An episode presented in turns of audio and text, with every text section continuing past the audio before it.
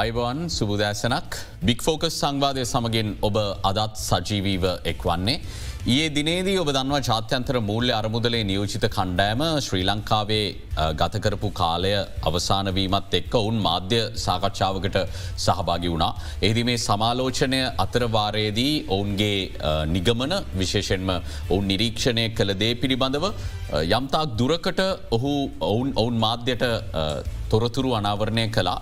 නමුත් නිශ්චිතව පැහැදිලි කරුණු ගණනාවක් මාධ්‍යවේදීන් විමසු අවස්ථාවන් වලදී අනාවරණය කරගන්නට හැකියාවක් නොලබෙන බවක් තමයි පෙනෙන්න්නට තිබුණේ මොකද මේ නියෝජිත කණ්ඩායමත් සමාලෝචනයේ අවසාන නිගමනයක් පිළිබඳව නිශ්චිත අදහස්සක නොසිටි බවක් පෙනෙන්න්නට තිබුණා මේ ප්‍රෘති සාකච්ඡාව දිහා බලාගෙන ඉදිද්දි.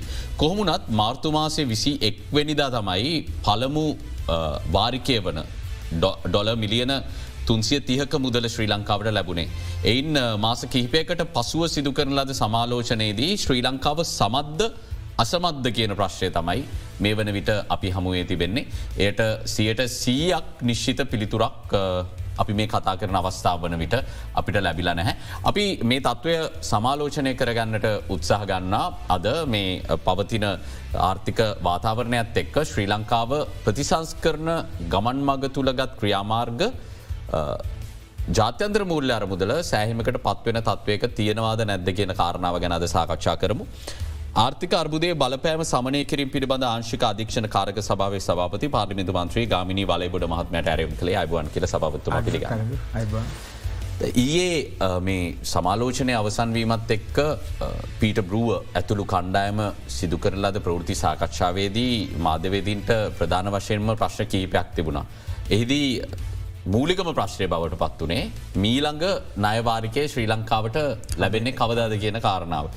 එය විමසූ විට උන් සඳහන් කරනවා ඒ සම්බන්ධයෙන් නිශ්චිත කාලරාමුවක් නැහැ නිශ්චිත වශයම කියන්න හැකියාවක් නැහැ කියලා.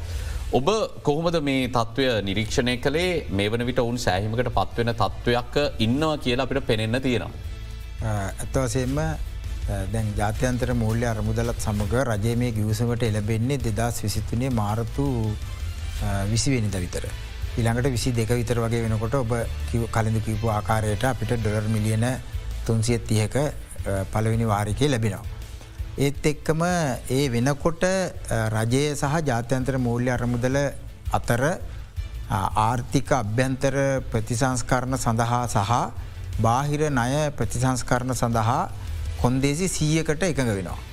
එතකොට කොන්දේසි සීයෙන් ඇතැම් දේවල් ජූනි මාසය තිහ වෙනකොට සම්පූර්ණ කරන්න ඕනි. යම් ප්‍රතිසතකාත්මක කොන්දෙසි ප්‍රමාණය පනවල තිබෙන මේ පහුගේ දවස්වල ඇවිල්ල දවස් හයත් තිස්සේ ජාත්‍යන්තර මුල්ල අර මුදලේ නියෝජිතයන්ගේ කාර්යභාරය වනේ ඒ මොන පරිසාධන මට්ටමක් කරා ලංකාවේ රජය සහ රාජ්‍ය ආයතන ව්‍යහය ළඟා වෙලා තියෙනවද?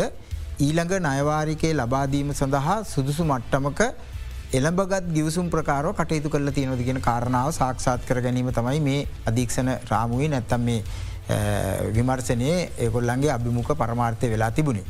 ඉතින්දි අපට නිරික්ෂ වෙන නිරීක්ෂණය වන දේ තමයි ඇතැම් ඒගැන මේ කරුණු සීයෙන් ගත්තොත් එහෙම ඇතරම පූර්ණ වසයෙන් සම්පූර්ණ කරලා තිබිච්චි කරුණු ප්‍රමාණය ඒම නැත්තන් එකඟතා ප්‍රමාණය සීයට තිස් අටකට විතර වගේ සීම වෙලා තිබ්බා. ඊළඟට ඉතුරු හැට දෙක ගත්තාම ඒ හැට දෙකින් හතලිස් තුනක් කරුණු හතලිස්තුනක් ගත්තු තාම ඒවා ඉටුකිරීම සම්බන්ධයෙන් සාකච්ඡා මට්ටමටවත් ප්‍රවේශ වුණේ නැති රජයේ පැත්තෙන් ප්‍රතිපත්තිමේ තීන්දු හා පරිපාලනමය වසයෙන් තීන්දු නොගත්තු කොටසක් තිබෙනවා. ඔබතුමා තත්වය පැහැදිලි කරද්දී රඳා පවතින්නේ වෙඩිට රිසර්ච් ආයතනය සිදු කරන ලද IMF ොච් එක මතද. වෙරිටේ රිසර්ච් එකයි ඒ වගේම අභ්‍යන්තර තොරතුරුත් එක ගත්තාම. මුදල් අමාත්‍යන්සේ සමඟ තියෙන සම්බන්ධතාත් එක්ක සහ අපේ කමිටුවෙන් අපි එකතු කරගතු තොරතුරුත් එක ගලාම පොදු තත්ත්වය තමයි මේ සමාලෝචනයට භාජනය වෙන්නේ. එතකොට ඒ ජාතන්ත්‍ර මූල්‍යාර මුදලේ විශේෂ අවධානයට ලක්වෙච්චි කාරණාවක් හැබැ එච්චර හතලිස්තුනක් විතර දැන් කෙරේ ආරම්භ නූනම වනත්ත ඒව අවශේෂ කරුණු තියෙනවා. නොත් අජාත්‍යන්ත්‍ර මූල්‍යාර මුදල අපි නිරීක්ෂණය කරපු ආකාරයට ප්‍රධාන කරුණු දෙකට බරතැබ්බවා. ඒ ප්‍රධාන කරුණු දෙක තමයි රාජ්‍ය වියදම් කළමනාකරණය හා රජයේ අකාර්යක් සමතා හා දූසන අක්‍රමිකතා වලක්වා ගැනීම කියන කාරණාව. දෙවැනි කාරණාව තමයි රාජ්‍ය ආදායම නිසි පරිදි එකතු කර ගැනීම. දළජාතික නිස්පාතිතය ප්‍රතිසතයක් විදිර සියට දහනමයක් වියදන් කරනවා ආදායම තියෙන්නේ සියට නවයයි. දකොට සියට දහයක පරතරයක තමයි ඉන්නේ. දෙදස් විසිත්තුනේ මාර්තු වෙනකොට සීයට දෙකයි දසම එකකති විච්චි ආදායම හතරයි දසම එක දක්ව වර්ධනය කර ගැනීමට තමයි ඉලක්කේ තිබුණේ නමුත් ඇත්තටම දේශයාදන් දෙපාර්තමේන්තුව හා රේගු සුරාවධ දෙපාර්තමේන්තු අසමත් වෙලා තින මේ ආදායන් රැස් කර ගැනීම අදාළ පරිසාධන මට්ටමට ගෙනෙන්ට. තකොට මේ සමස්තය තුළ නිර්මාණය වෙලා තියෙන තත්ත්වය තමයි ඒ මේ සමීක්ෂණය සඳහා ආපු කණ්ඩායමට නිශ්චිතව සඳහන් කරන්න බැරිතත්ව නිර්මාණය වෙලා තිබෙනවා. දෙවැනි වාරිකයේ දෙනවද? දෙන්නේ නැද්ද?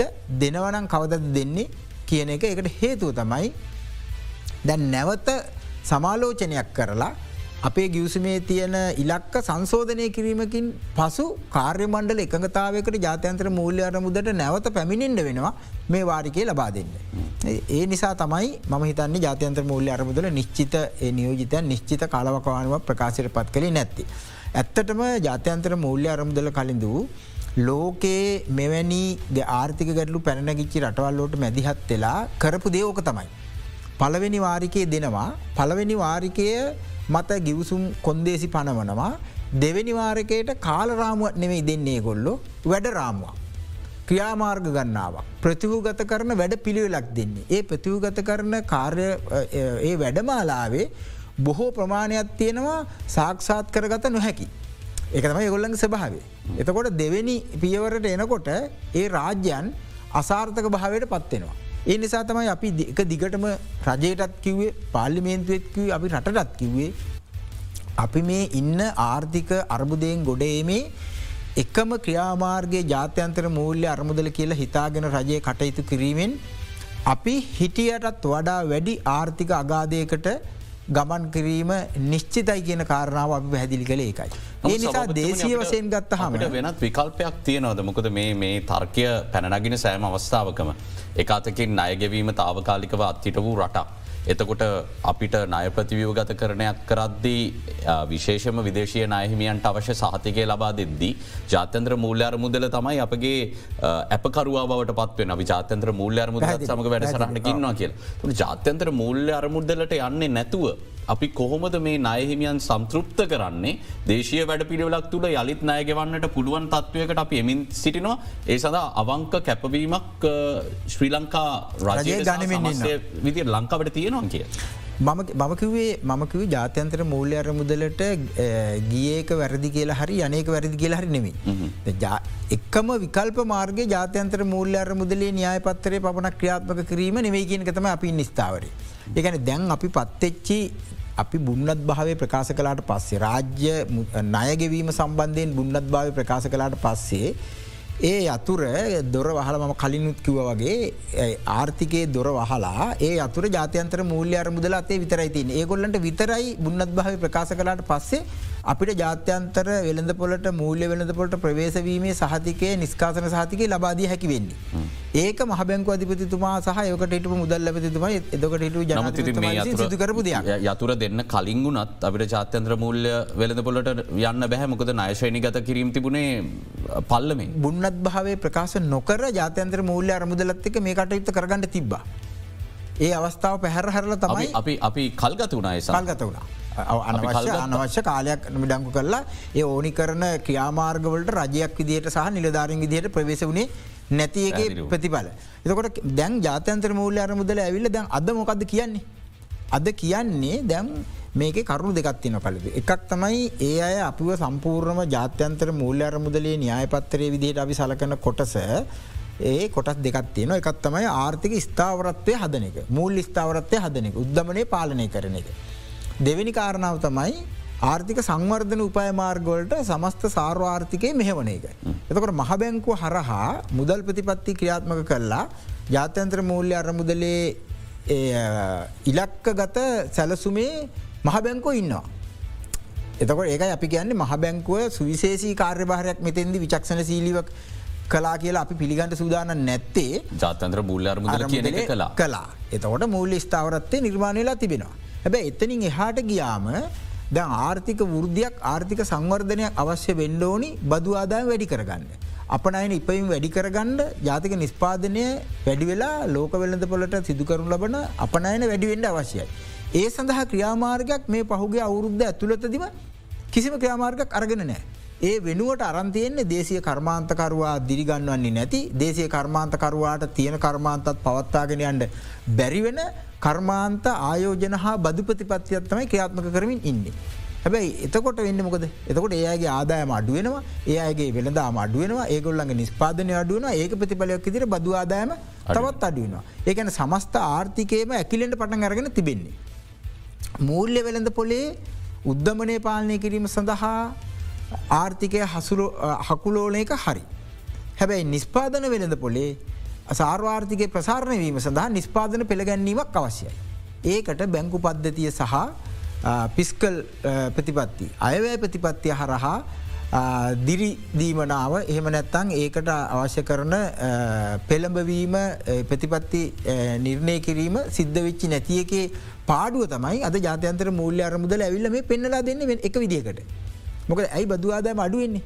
බදු ආදායම අඩුවෙන්නේ ඒ බදු ගෙවන සමාගම්මොල්ට ලාබය තියෙන් ඕනි. ලාබේ තියෙන ආදායම තියෙන් ඕනි. ආදායම තියෙන් රටේ පරිභෝජනය තියෙන් ඕනි. රටේ පරිභෝජනය තියන්න මිනිසුන්ට ආදායන් තියෙන නොද චාත්‍යන්ත්‍ර මුල්ලාර මුදල ඒ ඔවුන්ගේ ස්ථාවරය ලෙස ප්‍රකාශ කරන්නේ බදු ප්‍රතිපත්තිවල තවදුරටත් ප්‍රතිසංස් කරන වෙන්න ඕනේ. ඊට අමතරව බදු පරිපාලනය. අපි සිරුම දෙනවා පිළිගන්න ගන්න බදු බදු පරිපාලනයේ ප්‍රතිසංස් කරන ගණනාවක් අවශ්‍යය කියලා. තව බදු ප්‍රතිපත්තියන තමුණද වැඩි කරන්න තියන්න කියල ප්‍රශ්න ඇතරම කාගෙන්ද බඩු බදු අය කරන්නේ?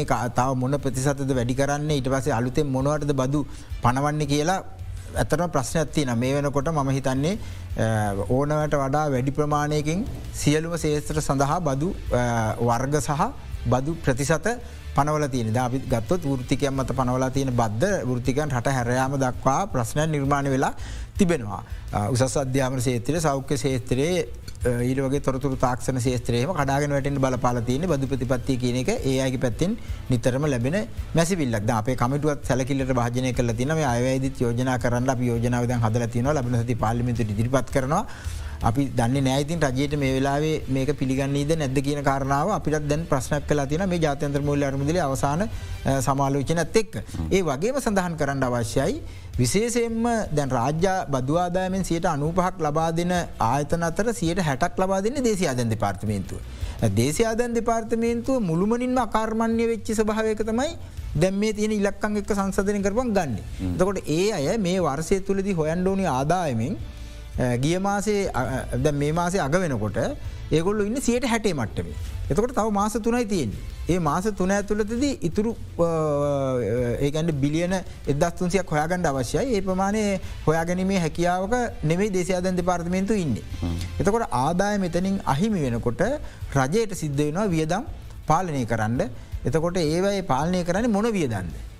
අධ්‍යාපනය සෞඛ්‍ය සහ වෙනත් සුබසාධන වියදංවලට තමයි රජයට පොදු වියදංවට තමයි අත තියන්න සිද්ධ වෙන්නේ. ඒක හරියට දේශය නය ප්‍රතිහු ගත කරනයේදී බැංකු පද්ධතියට සහ පුද්ජලික ආයෝජකයන්ගේ බහන්්ඩාගර බිල්පත් හා බැඳුම් කරවලට අත තියන්නේ නැතුව EPF සහ ETF අරමුදල් මත හඩක් නොමැති සාමාන්‍ය ජන සාමාන්‍ය ජනතා මත පසිත කලා වගේ මෙතන් දිත් සුභසාධනය කප්පාදු කරනවා වගේ තීරණවලට අන්ඩ විතින් ඒ ඉතාම අවාසනාව ජාතන්ත්‍ර මුල්ල අරමුදල බැලූ බැල්මට කියන දේ තමයි සුභසාධනය කප්පදු කරන්නත් බෑ. ආරක්ෂණයත් සවිමත් විය යුතුයි.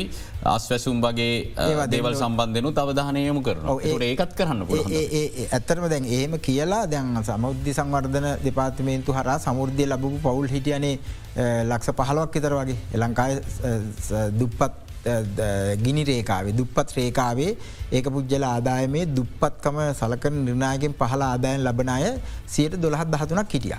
දැන් ආර්ථික අර්බුදයෙන් පස්සේ මේක සියට විසි හතට විසි අටට වැඩි වෙලා තිබෙනවා. ඒක සමීක්ෂණ තොරතුරු අනුව සංකාලයකන දෙපාර්තමේන්තුවත් තහවුරු කරන කාරණාව. හැබැයි අස්සසුමට යනකොට සමුෘද්ධිය නතර වෙලා අර පවුල් ලක්ෂ පහලවත් ලක්ෂ දහයට අඩු වෙලා තියෙනවා. හැබයි දුප්පත්කම තර්කේ තියෙන අනවශය ගත්ත අනවශ්‍යයම හිටිය දේශපාලනික යපු අය කියලා. ඒක යම් ප්‍රමාණක සත්‍යතාව ඇත්තිය නොතරම. ඒකත් එක්ක තව ප්‍රධානම කාරණයක් වෙන සභපත්තුමා මේ නියෝජිත පිරිස කියනවා ණය ප්‍රතිවියව ගත කරනය ගැනත්. ප්‍රධාන කාරණ දෙකක් කියනවා. තුට පලවෙනි කාරණාව තමයි මේ රාජ්‍ය ආදායම සම්බන්ධව සහ ස්ථාවර ප්‍රතිපත්ති රාමෝකට යළි එකඟ වෙන්න ඕනි කියලා. සහ නය තිරසාරභාවයට අවශ්‍ය ඉලක්ක සපුරන්න ඕනි කියලා දැ මේ වෙද්දි අපි දේශයාදෑම් පනතට සංශෝධන කරගෙන දේශයනය ප්‍රතිවියව ගත කරනය සම්බන්ධයෙන් යම් කිසි තැනක ඉන්නවා. නමුත් ප්‍රමාණවද කියන කාරණාව ගැන ප්‍රශ්නයක් ඇතියනවා. විදේශය නය ගැන අපිට පැහදිලි චිත්‍රයක් නෑමකද ලසාත් සහ ටිවර්ශාන්ස් කියන ආයතන දෙක තමයි මූලිකත්වයෙන් මේ නය ප්‍රතිවගත කිරීම් කරන්නේ. තකොට කවුද එකඟ වෙලා තියන්නේ මොන මට්ටමකට එකඟ වෙලා තියෙනවද කොයි තරම් ප්‍රතිශත සඳහා එයා කට්ටයක් ලැබෙනවාද පොලිය පැත්තෙ මොනවගේ සහනයක් දෙනවද පැහදිලි චිත්‍රයක් නෑ ජාත්‍යන්ත්‍ර මුල්ල අර මුදලට තවම ඒ ගැන පැහදිලි චිත්‍රයක් නොමැති බවතම පෙනෙන්න්න තියෙන්. ඒමුණොත් මේ වාරිකය ලැබීම තව බොහෝ කල්යන්නට ඉඩද මේ වෙනකොට ම හිතන්න අපි මේ කටයුත්ත බාරදිල තියෙන ආයතන දෙක විදිට ලසාත්සා කිපට් ආයතන දෙක ඒගොල්ලන්ගේ අන්තර්කාලීන වාර්තාවක් රජයට ලබාදීල තිබෙනවා. ඒ ලබාදීල තිබෙන ම හිතන ඒක දැන්ට ප්‍රසිද්ධියට පත්තිච්ච වාර්තාවන්නේ අපිට තියෙන තොරතුරුත් එක් ගත්තහම ඇත්තටම දැන් පැරිස් කලබ් එක සහ ජපන් ජපානය ඇතුළු රාජ්‍යන් නියෝජනය කරන කණ්ඩායම එක කණ්ඩායමක් විදිටත් චීනය ඇතුළු අනිත් පැත්තෙන් අයිස්බිල් ඕන්නොල්ට දායක වෙලා තියෙන කණ්ඩායම එක විදිහකටත් මත දෙකක තමයි දැනට ඉන්න. ඉතින් රාජ්‍ය තාන්තරික මැදිහත් එකඟතාවයක් නැහැ එකඟතාවයක් නෑ ඇත්ත වසම එකඟතාවයක් නැති ස්භාව තමයි දක්නට ලැබෙන්නේ. එතින්දි චීනය පැත්තෙන් ගත්තාම චීනය හැමේලාම ප්‍රකාශ සහ එගොල්ලො ලිකිතව ලබා දෙනවා. අපි මේකට එකඟයි ඔගොල්ලො කරගෙන යන්න කියලා. නොත් ඒ චීනය සම්බන්ධයෙන් තියෙන ප්‍රධාන සීමාකාරී සාධකේ චීනය බවට මේ වෙනකොට පත්වෙලා තියෙනවා කියන එක තමයි උන්න අවසාන ඉලක්කම්වලට එකඟ වෙන්න එකඟ වෙන්ඩ ඕනි. අ ගැන ඇතරම කපාහරන්නේ පොලියද කොච්චර පමානද කපාහරන්න පොලිය කපාහරන ඕනම් ගෙවීම කල්දානනම් කොච්චර කාලෙකට කල්දාන්නේ ඊළඟට හයාකට් එකක් විදිට කැපිටල් එක අඩු කරනවනම් ඒ කොච්චර ප්‍රමාණයකින්ද කියන ඉලක්කං වලට අවසාන වසයෙන් එකඟ වෙන්ඩ අවශ්‍යයි. නමුත් හැම වෙලාම චීනය ප්‍රකාශයට පත් කරල තියෙන්නේ අපි මේකට එකඟයි මේ වැඩේ කරගෙන යන්න කියන එක. ඊළඟට ඒ පදනන් කරගෙන පැරිස් කලබ් එක පැත්තිෙන් ගත්තහම ඒ අයත් දැන් මේ කියන එකට අනුකූල වන ස්භාව ප්‍රකාශ තමයි නිකුත් කරන්නේ. ඒ නිසා අපිට රජය විදිහට විතරක් නෙවේ ජාත්‍යන්තර මූල්‍ය අරමුදලටත් අවිනිශ්චිත භාවයක් මේ ජාත්‍යන්තර ණය වෙළඳ පොලේ ප්‍රතිව ගත කිරීම පිළිබඳව නිර්මාණය වෙන එක අහන්න දෙයක් නෙවෙයි. ඉතින් මේ නැවත අලුත් වටයකින් මම හිතන්නේ සාකච්ඡාවටයක් පවත්තලා එහම යම්කිසි මැදිහත්වීමක් කරගන්න සිද්ධ වේවී තකොට ඒක ප්‍රතිඵලය වෙන්නේ කලින්ඳ ඕක නෙවෙයි. ණය ප්‍රතිව ගත කරණයත් එක්ක දැම් මේ ඒක සිද්ධ වෙනකොට ඒ වෙනුවෙන් අපිට කරන්න වෙන කැපකිරීම. ඒ කියන සමාගම් වෙනුවෙන් ඒ කියලා ආයෝජකයන් වෙනුවෙන් දැන් අපිට අපිට අලුත් අනපනත්වෙනවා දැන්ව කනිජ සම්පත් නියාමන අධිකාරය කියල එකක් එෙනවා. එතකොට ඒ හර ලංකාව තියන සියලුම කනිජ සම්පත් ගවේශනය කිරීම ඒවා උකහා ගැනීම ඒවා පොසෙස් කිරීම අපනෑනය කිරීමේ මුළුමනින්ම අයිතිවාසිකං ඒ සමාගංගොල්ට පැවරෙන වෙළඳ ගිවිසුන් එලියට එමින් තිබෙනවා. ඊළඟට ඉන්දියාව පැත්තෙන් ගත්තාම දැන් ඒවල් කරන්න ඇතුළේ රවිට කැපකිරීම් කරන්න රාජතාන්ත්‍රික. මේක සරල සුමට කාරණාවක් නොවන අපේ යම්යම් විශාල දැම් බලසක්ති ශේත්‍රය අපි දැක් පහුගේ කාලේ සිද්ධ වෙච්ච අවසාන විග්‍රහදි ගත්තු ඇතරම ඉදියාවත් පත් කරගත්තා. ටින්වල්බල් නේජි දැන් අද ඒකාධිකාරය බෝඩ ඉන්දියාවේ පත් වන අවසාන වසයෙන් ගත්තාම.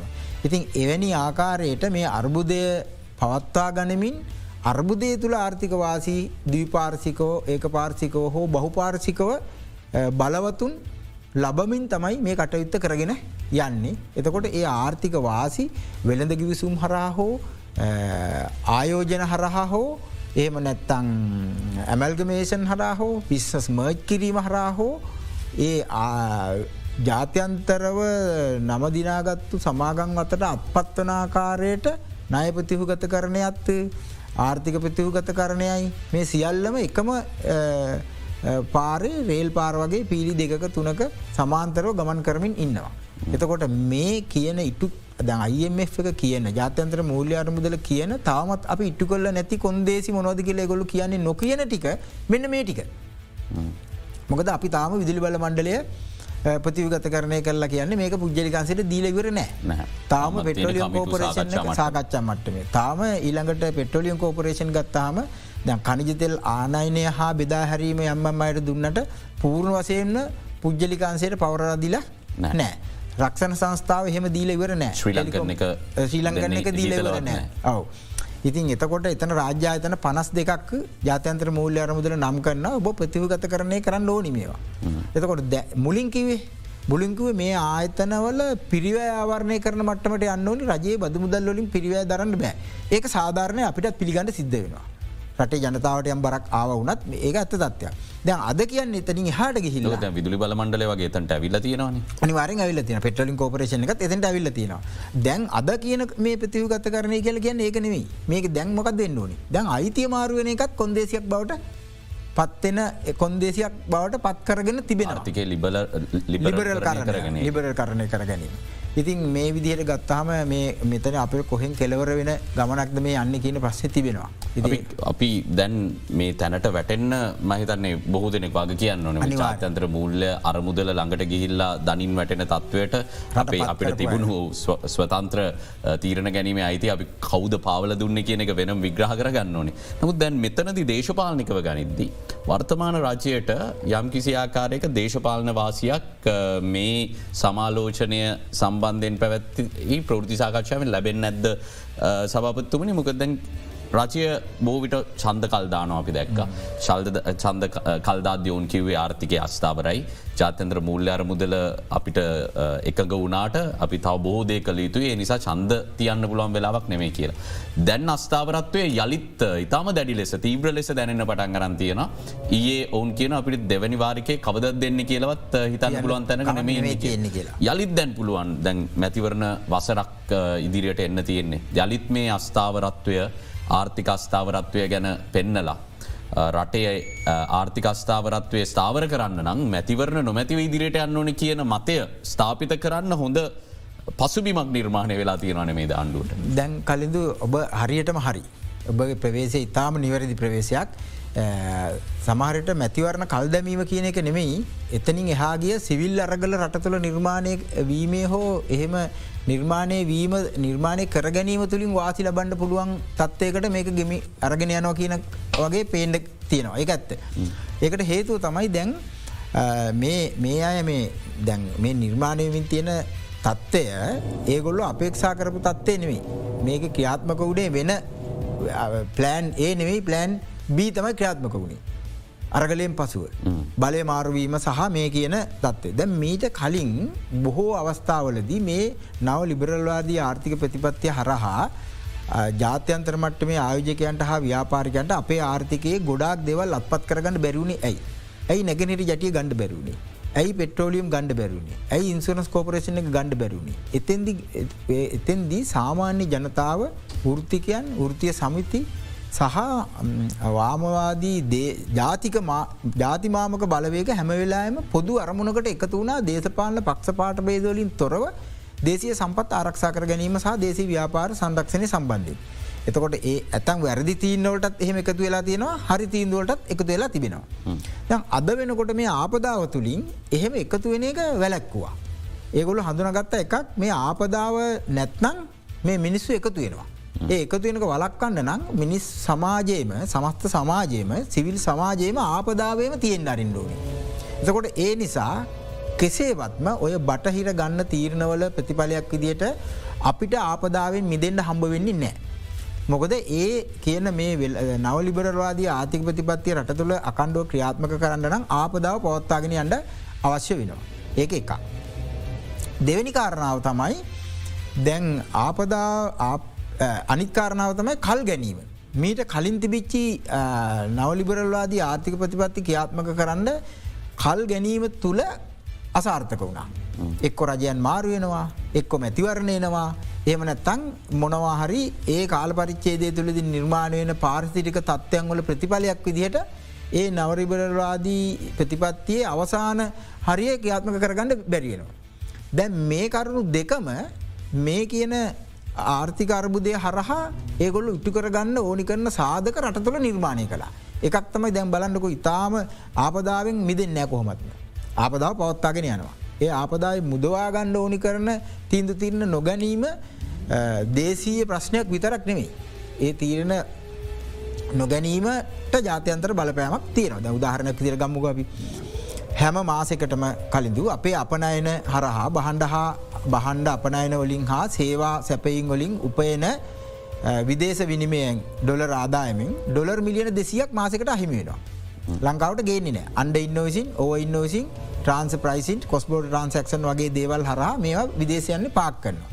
එතකොට විදේශ විනිමේ පනතර ගෙනපු සංශෝධන නිසා තමයි මේ ඩොලරික රට ගේන ක්‍රියාමාර්ගෝල්ට ආදායන් එකතු කරන මහබැංකුව හෝ මුල් මේ මුදල් අමාත්‍යන්සයෝ ආනයන අපනයන හෝ ආදායම් බද හෝ කස්ටමෝ කාටවත් නීති ක්‍රියාත්මක කරන්න බැරිතත්ව පැනගල තිබෙන. හැබැ ඒ පනතට සංශෝධන ගේන්නේ නෑ. ඒ පනතර සංශෝධනගේ නැත්තේ ජාතන්ත්‍ර මූල්‍ය අරමුදලේ බලපෑමත් තියෙන ඇත්තර මේක සංශෝධනය කරන්න එපා කියලා ආටිකල් ෆෝහර අයම ෆැග්‍රිමට එක ආටිකල් ෆෝල එහම කොන්දේසියක් තියෙනවා. එහෙම නොගෙනන නොගෙනෙන කැබිනට් මණ්ඩලයේ පරිසරමතිවරයට සිද්ධ වෙනවා කනිජ සම්පත් නියාමන අධිකාරයක් ගෙනැල්ලා ලංකාවේ මැනිකා ස්වර්ණාභරණ අධිකාරය අහෝසි කරලා ලංකාවේ GSMB ආයතන අහෝසි කරලා දැනට ලංකාවේ කැනින් බලපත්‍ර තියෙන ඔක්කොම අහෝසි කරලා ආයෝජන මණ්ඩලය හර අලුතෙම බලපත්‍ර දෙන ක්‍රමවේදයකට පනතක් ගන්න පුළුවන්. ඒක කැබිනට මල්ලි අනුමත වෙනවා ඒක ගැසට් වෙනවා ඒක නීතියක් බවට පත්වෙලා ක්‍රියාත්මක වෙනවා. එතකොට මම කියන්නේ ඒකයි දැ මේක ජාතික බලපෑම ඉතරන්නේ ජාතයන්තර බලපෑමකුත් එක් වෙන්න කියලා. ඊළඟට ඊළඟ කාරණාවතම මගේ කාලය ගන්න එක දිගු කාලයක් ගත වෙනකොට ඒ අරමුණ ඉටු කරගන්න බැරි දේශපාලන වටිපිටාව හටේ නිර්මාණයන. ඒ නිසා දැන් ඔබ කිව හරි ලබන අවුද්ධ කියන්න මැතිවන්න වර්සයක් ඒ මැතිවරණ වර්සයට එළබෙන්ඩ කලින් ඉතා සීග්‍රයෙන් මේකන න්‍යායපත්තරට ඔක්කොම ක්‍යාත්මක කිරීමේ සැරස්මක තමයි මේ යමින් ඉන්න.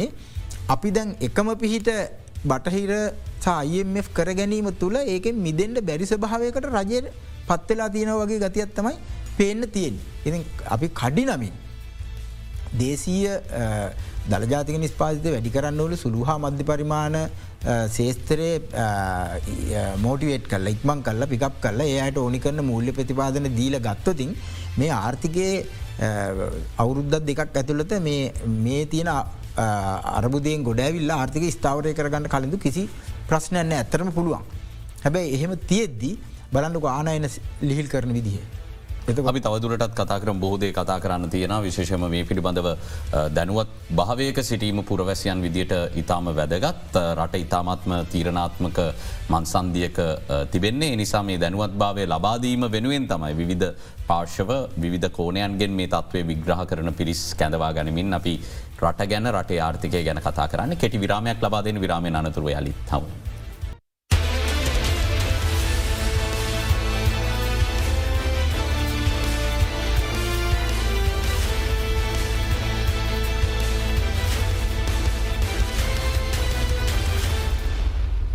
ආර්ථික අර්බුදයේ බලපෑම සමනය කිරීම පිළිබඳ ආංශික අධීක්ෂණ කාරක සභාවේ සභාපති පාර්ලිමින්තු මන්ත්‍රී ගාමිනි වලබොඩ මහත්න ඇතක සාකච්ඡා කරන්නේ. සභාපතුමා දැන් නයපතිවියූ ගත කරණය ගැන කතා කරද්දී චීනය මේ වන විට එකඟතාවයකට එන්නේ නොමැති තත්ත්වයක් තියෙනවා කියල් තමයි ඔබතුමාකිව නිරීක්ෂණය වෙනවා කියලා.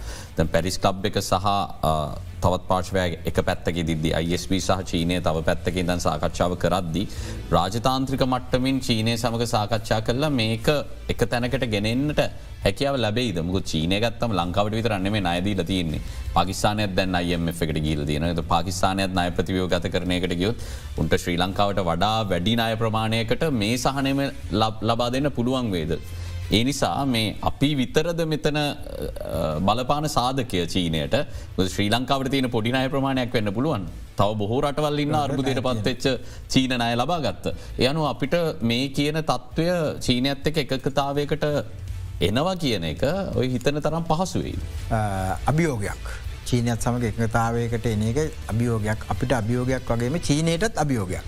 මොකද ඔබ කියන හරි චීනය නයිදිලතින් අපිට විතරන්නෙවෙනි වෙන ලොකු නය ප්‍රමාණයන්ටිකත් තියෙනවා එතකොට ඒ සෑම රටක්මා දෙන්න ආර්ථික අර්බුදෝල. ඒ අය එතකොට සමානුපාතිකෝ මේ ඉල්ලීම්මොලට ඒ ආයත ඒ රජයන්ටත් යන්න සිද්ධ වෙන තත්ත්වයන් නිර්මාණය වෙයි කියන බයට හෝ එහෙම නැත්තං චීනය ප්‍රතිපත්ති මේ තීන්දුක ඉඳගෙන චීනයට ඕනිය කරන ආකාරයට මේ නයපතිව ගත කරණය හසුරවා ගැනීමේ ක්‍රමවේදයක ඉන්නවාද කියල ගැටලුවත්තු තියෙන මොකද බූදේශපාලන අවශ්‍යතාවයක් තිය නොන මෙතන කලින්දු අනිවාර. දැන් චීනයේ වන්බෙල්ට් වන් පාත් න්‍යාය පත්තරය ඇත්තෙක් ක්‍යාත්මක වෙන එක පැත්තකින්. ඊළඟට අනි පැත්තෙන් බෙල්ටන් රෝඩ් බෙල්ටන් රෝඩ් එක. ඊළඟට අනිත්තක බ්‍රික්ස් කියන සමුළුව නැත්තන්ගේ රටවල් සහයෝගිතා සහයවිත සංවිධානය. ගොඩ නැගබින් ඉන්නවා.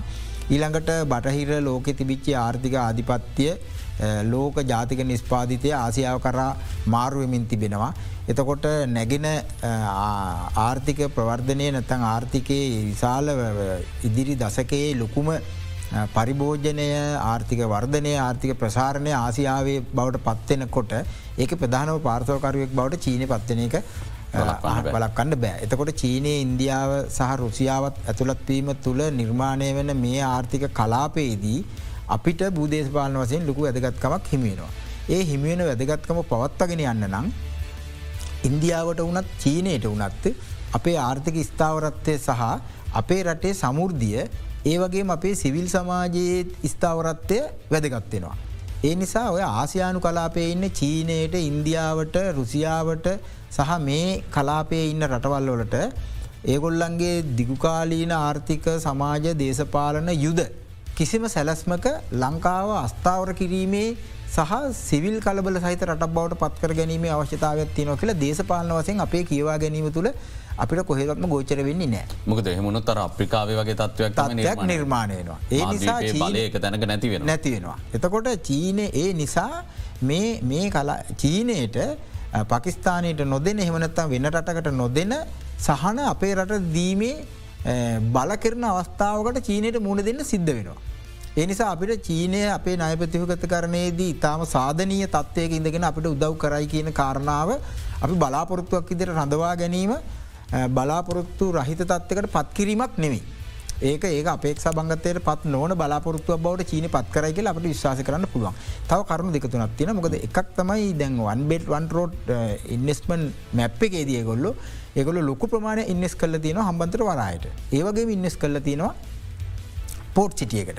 එතකොට ඒ ආයෝජන හසුරවා ගැනීම ඒවනතන්ගේ ආයෝජන හර අයගොල්ල බලාපොරොත්තු වෙච්චි ආර්ථික කලාප නිර්මාණය කර ගැනීමේ දිත්ත මේගෙන ස්ථාවරත්තය අයට අවශ්‍ය වෙනවා. මේ ජනාධිපත්තුමකිව පෝත් සිටියකට අදාළ පනත ගෙනනවා. ගෙන ඒවගේම චීනයට යන්න කලින් ඒටික මහිතන කල්ලතම යන්න බලාපොරත්තු බලාපොරොත්තු වෙන්නේ. ඒ වගේම කලින්දු මෙතෙන්දී ඒ ගැන්නේ අපි දැන් අපි දේශපාලන වසයෙන් ගත්තාම ජනාධිපතිතුමා රනිලික්‍රම සිංහ මැතිතුමා අනුගමනය කරන නවලිබරවාදී ආර්ථික ප්‍රතිපත්තියෙන් බැහැරවෙන ජාතිකවාදී ආර්ථික ප්‍රතිපත්තියක් ගැන කතා කරන කණ්ඩායම අපි. හැබැ එහෙම උනත් එතුමා මේ සැරේ දැන් කිව්බාව හවානවලට ගිහිල්ල කරපු කතාවිදි දක්කපු කරුණු දැක්කීම ඒවගේම ඇමරිකාවටගේ යුවෙන් එකට ගිහිල්ල කතා කරපු එක සහය බ්‍රික්ස් ගැන්න සහයේ කතා කරපු කරු කාරු දේශපාලන තත්ත්ත් එක්ක ගත්තාම එතුමා පූර්ණ අවබෝධයකින් ඒ කරුණු දැක්කීම කලා කියන එක අපිටත් සංජානනය වෙන කාරණාවක්. එතකොට ඒ ඔක්කෝම එකතු කරගෙන ගිහිල්ලා චීනය එක් සාකච්ඡා කරන අවස්ථාවේදී එතුමා සාර්ථක වුණොත් මේ නයගන දෙනුව සඳහා චීනයෙන් අවශ්‍ය කන දායකත්තේ ලබාගණ්ඩ අපිට කෙටිකාලයකෙති සාර්ථකත්වයට යන්න හැකියාව ලැබේවි. හැබැයි ඒත් ඒම සාර්ථක උනත් කලින්දු මෙතන තියෙන ලොකුම ගැටලුව තමයි අභ්‍යන්ත රට අභ්‍යන්තරය අනුගමනය කරන ආර්ථික ප්‍රතිපත්තිය තියෙන වැරද්ද අපි කොච්චර ණයගත්තත් කොච්චර ණය ප්‍රතිවගත කරණය කළත් වැඩක් නැති ආර්ථික ප්‍රතිපත්තියක තම අප ඉන්නේ. නිෂ්පාදනයක් නෑ නිස්පාදනයක් නෑ රටේ. නිස්පාදන දිරිගන්නන්නේ නෑ ආයෝජකන්ට සහන දෙන්නේ නෑ සහන දෙන්න ඔන්න ආයෝජකන්න නිදහසේ ගොලන්ගේ වැඩටික කරගෙනයන්න අවස්ථාවත් දෙන්න. ඒක නෑ. දැන් ගාමන් ෆක්ටිස් ඔක්කොම වගේ දැන් වෙන රටවල්ලට යන්න තියන්නේ කල තින ආයෝජන කලාපොල ඉන්න නිස්පාදකෝ ඉතා විශාල අර්බුදොල ඉන්න ඒගොල්ලො අලුතෙන් ආයෝජනය කරන්නෙම නෑ ඒගොල්ල පුළුවන්තරන් ආයෝජන අඩු කරමින් ඉන්නේ. එතකොට මේ සමස්ත තත්ත්වය ඒ සමස්ත තත්ත්වය දිසානතිය බවට පත්වෙලා තියෙන්නේ ආර්ථිකයේ නිස්පාදනය තවදුරටත් හැකිලෙන එක. ජලජාතික නිස්පාදනය ප්‍රසාරණය නැතිවෙන එක. එතකොට කාන්දුවීම් ප්‍රමාණය බදු සහ අනෙකුත් දෙවල් විදිර ඉතා විශාල වසෙන් වැඩි වෙලා තිවෙනවා ඒවගේම ආනයන වැඩි කිරීම තුළ ආනයන නිදහස් කිරීම තුළ අනවශ්‍ය ආනයනවලට අපි හොයන සියලූම ඩොල ප්‍රමාණ අන්ට පට අරන්තින දැන් ඒක ප්‍රතිඵලයක් ඉතිර දැන් අපි මේ ආනය නිදහස් කිරීම කියනෙත් මතන්න ජාත්‍යන්ත්‍ර මුල්්‍යර මුදලේ තියන කොන්දේශ අතර ප්‍රධාන එක. ඉති ඒක අපිට භාගයෙන් කරන්න පුළුවන් දෙයක්නේ. ඒක අපිට දැන් මුල්ලර මුදල කියන ඔගුල දැන් ඒ මුල්ලර මුදල නියෝජිතයන් කියනවා සංචිත රැස්කර ගැනීමේ ප්‍රගතිය අපිට සතුරුදායක මට්ටමන්න පිළිගන්න බෑ කියලා. එතකොට අපිට හම්බුවන ප්‍රමාණයට වඩා වියදන් කරන ප්‍රතිපත්තියක් අනුගමනය කරපුම සංචිත තුරනවාද සංචිත තුරෙන්නේ නෑ. එතකොට එහෙමනම් ඒ ප්‍රතිපත්තියන වෙනස් කරන්න අවශ්‍ය වෙන්නේ. ඒ ප්‍රතිපත්තිය වෙනස් නොකර කොහොම අපි සංචිත ගොඩ නගන්න. එතකොට වැරදි ප්‍රතිපත්තියක් අනුගමනය කරමින් චීනය එක ගුණත් වැඩක් නෑ. අයම එක ගුණත් වැඩක් නෑ. තව අපිට කොහෙන් හරි අය හම්බ වනත් වැඩක් නෑ. මොකද ඉදිරි අවුරුදු හතර දුවන්ඩ කලින්දු දැම ජාතයන්තර මූල්‍ය අරමුදලේ එකඟතා ගිවිසම තියෙන්නේ වර්ස හතරකට. එතකොට මේ රජයේ හිටියත් අපි හිටියත් වෙන රජයක් පත් වනත් මේ ගියවසම අනුගමනය කරන්න බොහෝවිට සිද්ධවෙයි යම්යම් සංසෝධන සහිත මොකද බලාපොරොත්තුව. ඔය අවුරුදු හතර මේ ආර්ථිකය මේ තියෙන මට්ටමට සාමාන්‍ය විදිර පවත්තගෙන යන්න අපිට ඕනි ඩොලර් බිලියන එකසිය හතා. ඩොලර් බිලියන එකසිය හතක් ඕනි මේ ඉදිරි අවු බිලියන එකසිය හතා. ඩොලර් බිලියන එකසිය හතක් අවශ්‍යයි. වසරයක් සඳහා වසර හතර සඳහා. ඉතිරි වසාදර ඒකන්න එක පැදිලි කලොත්තේ යමෙන් දෙන්න ඩොල බිලියන දෙකයි දශම එකයි දසම නමය. එතකොට අපේ අපනයන හරහා අපිට හම්බ වෙන්නේ අපිට පහලෝගාන හම්බුනත් සාමානෙන් හැටයි වන්න පුළන් පහලොක් හම්බවෙන්න දොලහයි දහතුනයි හම්බවෙන්න. එතකොට මෙත් ඔහොමෝම ගිහිල්ල අවසානයේදී තව ටිකන් අය ගන්නම සිද්ධ වෙන. ඩොලර් බිලියන විසි හතක් ණය ගණ්ඩ වෙනවා. ඒ විසිහතක් ගන්නකොට අපි ඩොලර් බිලියන දාහතක විතර ප්‍රමාණයක් නය ගෙවමින්තාව. එතකොට ගෙවන නයවලට සාපේක්ෂව දොර බිලියන දාහතක් ගෙවල විසිතක් කරගෙන දහයක් පරිභෝජනයට වියදන් කරන සැලස්පත්තමයි මේ යමෙන් ඉන්න. එතකොට මේක ගෙවන්ඩ උත්පාදනයක් නැතුව එකක් අපිට නයි දෙයිද? ගණඩ පුළුවන්ද? කවුදහෙම නය දෙන්නේ? පේෂීට ඇනතු බැංකුවක්ත් නය දෙන්න අයි දෙන්න අපේ සේසපත්‍රේ නයිදන සේසපත්‍රය දේවගේම තමයි දැන් ෆික්ෂේටින් ඇතුළු අනිකුත් සියලුම ශ්‍රේණිගත කරන ආයතන අපි නයසේනි ගත කිරීමල ඉතා නරක තත්වයක තම අපි පිහිටල තියෙන්නේ. ඉති මේවා හොඳ ලකුණුනේ අපි මේ සතුටෙන් නෙමේ කතා කරන්නේ ඉතාම කනගාටුවෙන් කතා කරන්නේ අපිට තියෙන ගැටලුව තමයි දැම මේ ඔක්කොම තියෙද්දී රජය කැබිනට් මණ්ඩලේ අගමැතිතුමා ජනාධිපතිතුමා ඇතුළු මේ කණ්ඩායම මේක පිළිබඳ සාර්ව සර්වග්‍රහයි විශ්ලේෂණයක්. සහ සර්වග්‍රහයි ප්‍රවේශයක් මේ ආර්ථිකය මේ තත්වේ මුදුවගන්න නෑ. ඒකත මෙතර තින ගැටලුව. දැන් ආනයන ගැන තීන්දු ගන්නකොට දේශය කර්මාන්තත් එක කතා කරලා ඒකට ගැලපෙන්න්නාව ප්‍රතිපත්තියකිඳගෙන තීන්දු ගණ්ඩුවන්. කුසිකර්ම ප්‍රතිපත්තිය ආනයන ප්‍රතිපත්තියත් එක්ක වෙළ දමත්‍යන්සඇත් එක ගැලපෙන්නේ නෑ. ඊළඟට වාරිමාර්ග දෙපාර්තමේන්තුව වැැව්හා ජලය කළමනා කරණය කන විදිලි බල මණ්ඩලය සහ වාරිමාර්ග දෙපාර්තමේන්තුව කුසිකර්ම ප්‍රතිපත්තියත් එක්ක ගැලපෙන්නේ නෑ. හැබ මේකද මේ ආණ්ඩු විතරක් නෙේ හැමදා මේ රටේ තිබ ප්‍රශ්න. දැන්කලතු හැමදාම තිබුණ හැමදාම තිබුණ. මේක අරබුද මේ හැමදාම තිබුණ. ඇත් අතින් පස්ස නිර්මාණය වෙච්චි වෘතාර්ථික ප්‍රතිපත්තිය තමයිමේ. එතකොට දැන් ඒක අවසාන ප්‍රතිඵල විදිර ජීවිත දහස් ගණනක් නැති වෙලා පාර මිනිස්සු මැරිලා ආර්ථික කඩන් වැඩලා දැම් මිනිසු දැනටත් බෙහෙත් නැතු ස්පිරිතාලල ලත වෙන අධ්‍යාපන නැතුව ළමයි ඉහ ලත වෙනවා ලයිට් නැතුව මිනිසු කරුවල ලත වෙනවා ව්‍යාපාර කරගෙන යන්න බැරුව ව්‍යාපාරිකෝ අතාරිනවා වෘත්තිකෝ රටේ බදුමුදල් ආයෝජනය කරලා අවුරුදු විසි පහත්තිසි විද්‍යාලෝට යවල උගන්නල ගත්තු බුද්ධිමත්තු ටික රට හැරයනවා එතකොට අනාගතයට මේ දැනුම සමුච්චය කරපු දැනුම බෙදා දෙන්න පිරිස් නැතිවෙනවා ඉති මේ ඔක්කොම වෙන්ඩර්ල බලයින්න එකද කරන්න ඕනි ඒකට රජත්තින්. ඉති අපි ගැන්න මේක මේ ගැටලුටික විසඳන්න පුළුවන් පලට්ෆෝර්ම් එකක් හදන්න ඕනි. මේකට හොඳ ආර්ථික කොමිසම පත්තෙන්ට අවශ්‍යයි. ඒවගේම කැබිනට මණ්ඩලය හරි එමනත්තම් පාලිමේන්තුව තුළ හරි අනකුත් දේශපාල පක්ෂත් එකතු කරලා එන්න නැතිකෙනකුට එන්න නැතු නිකං ඉඩරල හරි වැඩ පිළිලත් තියෙනවන මේ කියන වැඩ පිල්ලට දායකත්වය සපයන්ට පෞද්ජලිකාන්සය වෙන්ම රාජ්‍යන්සය වගේම වෙන ඔය කියන හැම ශේත්‍රයකම ඉන්න විද්වත්තු උගත්තු බුද්ධිමත්තු වගේම ෘතියවේදින් ව්‍යාපාරිකයන් මේකට සූදානම්. එහෙම ඒ ඒ සූදානම ප්‍රයෝජනයට ගණ්ඩ රජය සූදානන්නෑ ඒකට ඒක හේතුව තමයි අර බටහිර න්‍යායපත්තරය තමයි යන්නේ මේ වැඩේ ඉවර වෙන්න නම් මේ ආපදා තත්ත්වය රට පවත්තාගෙන අන්ඩ අවශ්‍යයි. ඉතින් ජනාධපතිතුමා මේ ආපදා තත්ත්වය පවත්තාගෙන යනතාකල් මේ කැබිනට මණ්ඩලේ මේ ආපදා තත්වය උවමනාවෙන් පවත්තාගෙන යන්න කියලා අපි රජයට චෝදනා කරන්න එකයි. කෙටි විරාමයක් සඳහා යොම වෙන විරාමෙන් අනතුරුව යළිත් ඉක්මනින් බික් ෆෝකස් සමඟ හෙක්වමු.